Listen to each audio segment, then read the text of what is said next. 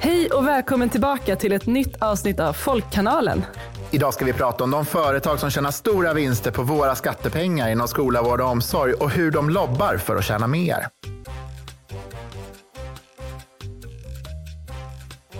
Vi är Folkkanalen. Vi struntar i det politiska spelet. I podden fördjupar vi oss i de riktiga problemen och ger lösningarna för vanligt folk. Jag heter Lina Stenberg Och jag heter Peter Gustafsson. och det här är en podd som handlar om de riktiga frågorna. De som spelar roll på riktigt för vanligt folk.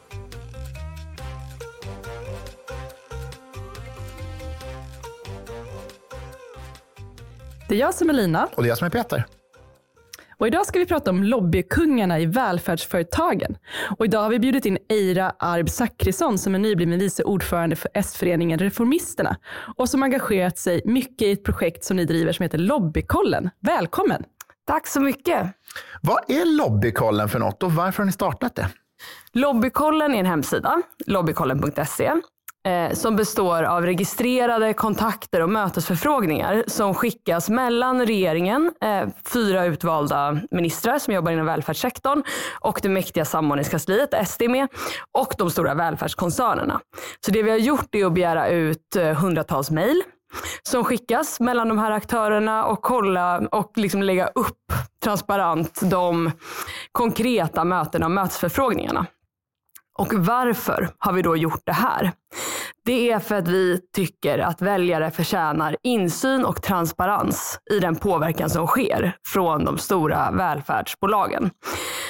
Det finns en supermajoritet mot marknadisering av välfärden och samtidigt så fattas hela tiden politiska beslut som gör att vi fördjupar det här marknadskaoset. Och hur, vad, hur kommer det sig egentligen?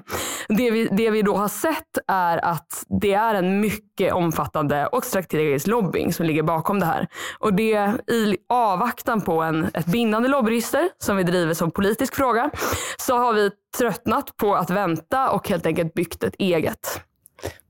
En fråga eh, just om vilka ni är. Alltså, är ni ett nätverk, är ni en förening, en organisation eller vilka är ni? Ja, jättebra. Eh, Reformisterna är en socialdemokratisk förening. Sveriges största socialdemokratiska förening som är en ekonomisk politisk förening.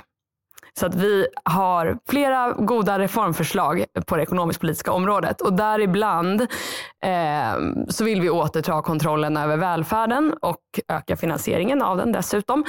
Och vi menar att om man inte har en plan för lobbyismen så kommer det här bli väldigt svårt. Men vad är det som är så illa med vinstintressen inom skola, vård och omsorg? Det finns flera skäl till att det är väldigt illa. Ett är ju det enorma skattesvinnet som sker av våra gemensamma pengar. Eh, förra året så tog Academedia ut 185 miljoner om jag inte minns fel. eh, Från, från eh, våra skattepengar i bara vinst. Eh, Och det är ju ett bolag. Så att en sak är att välfärden går på knäna. Våra undersköterskor är underbetalda och vi har för få. Och samtidigt så är det en enorm vinstapparat dit våra pengar går. Det är ju ett problem. Ett annat stort problem är att aktiebolag drivs enligt lag, alltså enligt aktiebolagslagen, av ett vinstintresse. Det primära intresset är att göra vinst, eller målet med verksamheten. Medan hälso och sjukvård, eller skola eller välfärd i övrigt, det, det primära intresset ska vara att ge en god välfärd efter behov. Och det intresset går helt enkelt inte ihop med vinst. Ett stort liksom, argument för hela den här vinstmodellen har ju varit valfrihet, men det vi ser är att det inte är väljarnas valfrihet man tänker på, eller medborgarnas eller patienternas. Utan det är bolagens valfrihet. Alltså de, de, använder sina, de använder sin marknadsmodell för att välja de bästa patienterna som har minst behov, men som kostar minst, men som ändå ja, kan ge då olika statliga bidrag till deras verksamhet. Så, och en effekt av det är ju skolsegregation på olika sätt, men det är också till exempel att det finns 19, om jag inte minns fel, i alla fall väldigt många gynekologmottagningar på Östermalm och ingen i Järva. Så det, det har jättestora konsekvenser för vår välfärd. Och eh, de här företagen då som driver den här, de har ju naturligtvis en annan bild och de använder en del av de pengarna till att också lobba för att få igenom förändringar i lagstiftningen. Och ehm, det är därför ni har startat Lobbykollen, vad jag förstår. Eh, och det har ju redan fått lite konsekvenser, vad jag förstår. Ni startade upp det här under våren. Vad har hänt sedan dess? Kort efter så kom det flera granskningar i Dagens ETC framför allt och eh, där de grävde i vad det här ja, vad som egentligen sades här och vad som fanns bakom de här mejlen och vad det var som hände. Ett konkret förslag, eh, ett konkret, en konkret artikel ska jag säga som, som uppmärksammades, det var flera. Men det var att Internationella Engelska Skolans ägare har mejlat Lotta Edholms statssekreterare, alltså den högsta tjänst, politiska tjänstemannen. Där de vill se en lagändring som helt enkelt skulle vara lite bättre för dem. Man ska underlätta för eh, eh, ja, godkännande av utländska lärares kvalifikationer. Men eh, i det mejlet, det är liksom en väldigt kramatlig ton och i det mejlet, jag kan citera, så står det eh, SD och KD är mer än måna om att stödja en sådan process. Så kanske går det att peta in i allmänna skollagsändringar som brukar komma på våren. Svårt att se att det skulle behövas något bredare beredningsarbete egentligen. Bara en tanke. Så det är ju det är ju bara ett exempel på hur den här informella påverkan verkar kunna gå till. Eh, och det har ju blivit transparent. Det är ju en stor effekt. Vi har också haft väldigt många som har gått in på vår hemsida. Det är väldigt kul. Och en effekt som jag ser som väldigt viktig är att vi som S-förening har lyft det här kort efter så var Magdalena Andersson ut och uttalade sig om att eh, det, eh, dold lobbyism är ett problem och Tobias Baudin har skrivit ett liknande inlägg på Facebook. Så där ser vi också hur det går att lyfta en fråga och plötsligt så är det här en ny fråga som jag uppfattar det som att partiet driver och det är ju såklart jätte, jätteroligt. Jag tänker att det är ju jättespännande att, att det här kommer fram och egentligen är det ju inte då dold lobbyism eftersom det finns offentligt. Eh, är det, är det en risk med att när ni lyfter det här att det kanske blir ännu mera dolt? Det är en risk överlag att vi inte har ett bindande lobbyregister i Sverige. För då skulle vi komma runt det här. Och det vi ser, det är ju helt uppenbart att det är så att det är omfattande lobbyism, mycket kamratlig ton, men toppen av ett isberg. För att vi ser bara sånt som omfattas av offentlighetsprincipen från vissa utvalda aktörer. Vi är ideella så att vi kräver ut mejl från vissa aktörer och ser dem. Och det, det framgår också där att det de har träffats innan och pratat om annat. Det kan vara så här, ah, hoppas, jag kommer ihåg ett konkret exempel, hoppas du fick med dig något mer än än Ramlösa fläcken på skjortan. Alltså, det, det, är ju hela tiden och vi hörs och tack för senast. Så att redan så ser vi bara toppen av ett isberg och vi kan bara visa på det. Hade vi inte visat på någonting hade inte någonting synts. Så det är ju väldigt positivt att någonting syns. Men på sikt så är ju det du lyfter att det behövs ett bindande lobbyregister som inte bara utgår från mejl utan där helt enkelt toppolitiker får berätta vilka de träffar. Det finns väl ett sånt i EU vad jag förstår? EU och sen så några olika länder, Tyskland, Irland, Storbritannien till exempel. Eh, och de har lite olika liksom, utformningar. Jag ska inte gå in så djupt på det, men de, det finns lite olika bra och omfattande och, och olika sätt man kan göra det på. Men det är ett växande antal länder i framförallt västvärlden som har det och då Europaparlamentet. Så nu kan vi ju sitta och titta på vad en Europaparlamentariker vilka de träffar, om de träffar Vattenfall eller vad det kan vara. Men vi kan inte se vad våra svenska regeringsföreträdare gör. Så att svenska politiker i EU omfattas av det här lobbyregistret, men inte andra svenska politiker. Ja, exakt. Svenska politiker i Sverige gör inte det. Precis, precis. Eh, men vad kan det få för konsekvenser då? Alltså det här att smyga in ändringar som du säger. Vad, har vi sett? Vad, vad får det här för konsekvenser när internationella engelska skolan ställer sådana här krav? Jag tror det får enorma konsekvenser och det är väl det vi har sett, apropå hur vi började. Att det här, just om vi tittar på välfärden så är ju inte det någonting väljarna vill ha, men det är ändå någonting som hela, hela tiden sker. Och vad, vad är det som händer däremellan? Så jag tror att den mycket ofungerande välfärdsmodellen vi har, den liksom världsunika skolmodellen är en konsekvens av det här. Så att väldigt stora. Eh, och tittar man utomlands, jag, vet inte, jag gillar inte så mycket bara att titta utomlands för det blir alltid sådär, eh, jag tror att det händer jättemycket här och det ser vi ett exempel på. Men vapenlobbyn i USA är ett exempel som ofta nämns eh, och som vi då ryggar tillbaka för. Men jag tror inte att vi ska tro att det inte sker i väldigt, väldigt betydande omfattning här. Det sägs väl att mycket av de förändringar, när, när friskolorna infördes 91 av Bildtregeringen, det var väl utan en egentlig utredning. Många av de förändringar som gjordes, gjordes väldigt tidigt av, av regeringen, utan att det egentligen utreddes. Det verkar som att du kan det där Ja. bättre än mig. Mm. Ja, men okej. det, det låter helt in character. Ja, så jag nej, säga. men Ja. precis. Nej, men jag blir väldigt eh, nervös när man ser de där. Är det bara högerpartierna som har den här typen av eh, vad ska man säga, risker kring lobbyism? Eller vad, vad tänker du?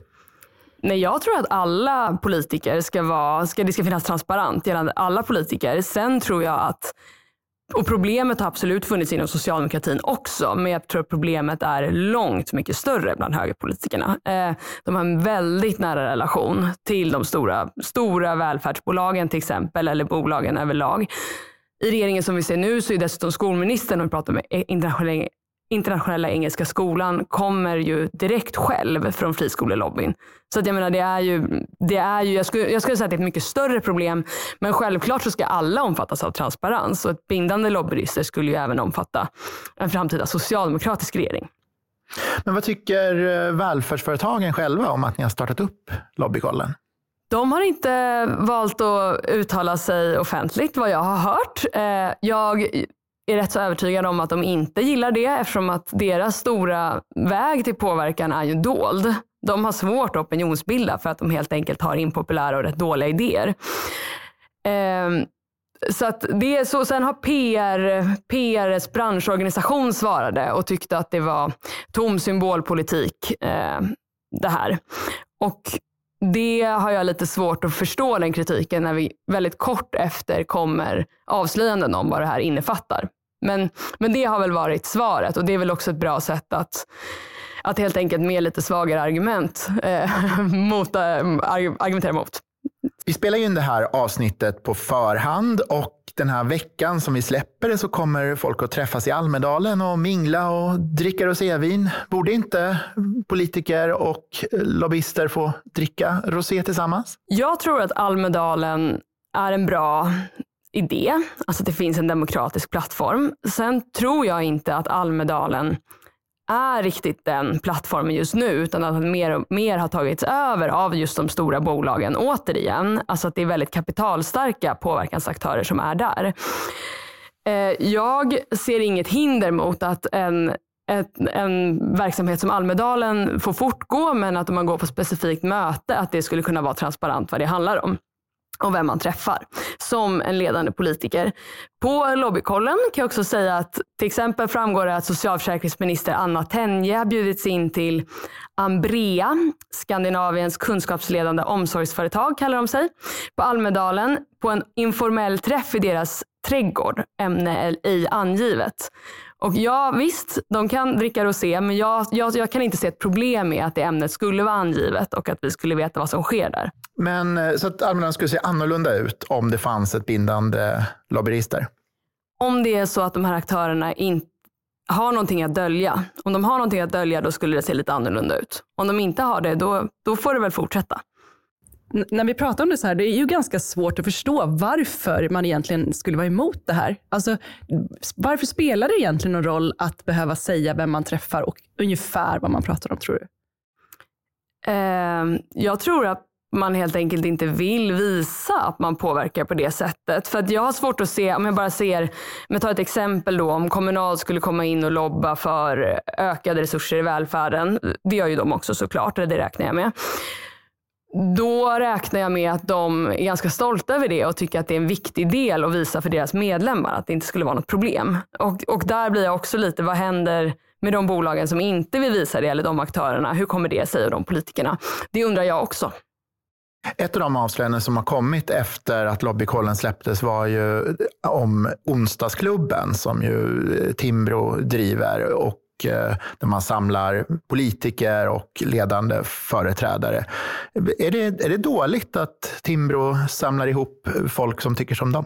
Jag tycker att det är inte är optimalt att den stora, i princip alla som är då inbjudna till de här onsdagsmö- eh, onsdagsmötena, stora företrädare för stora välfärdskoncerner, får direkt access till politiker på hemliga möten. Där, där det ska vara hemligt vad som sker och exakt vad de gör och vilka som är där och sådär. Det tycker jag inte är en transparent och bra process. Att ha ett möte där man ses och utbyter lite och vad händer där då? Sen så får ju de opinionsbilda, men det är liksom, återigen, jag menar att de får opinionsbilda om de gör det mot ledande politiker med direktaccess. Då ska det vara eh, registrerat. Om det är dåligt med lobbyism eh, eller, eller tveksamt med lobbyism, hur ska man göra för att driva på för ett bättre samhälle? Då?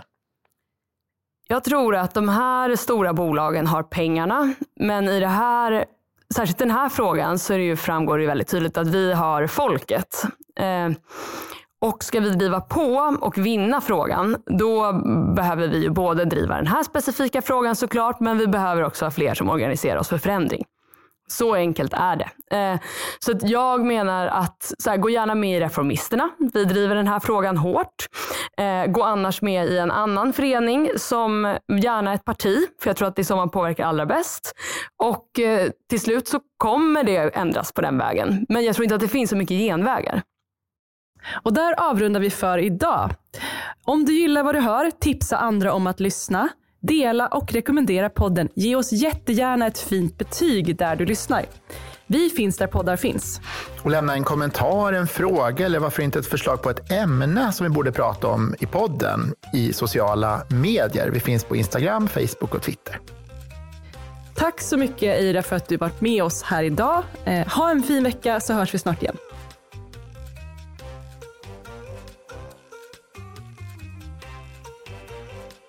Du har lyssnat på Folkkanalen, en podd för vanligt folk.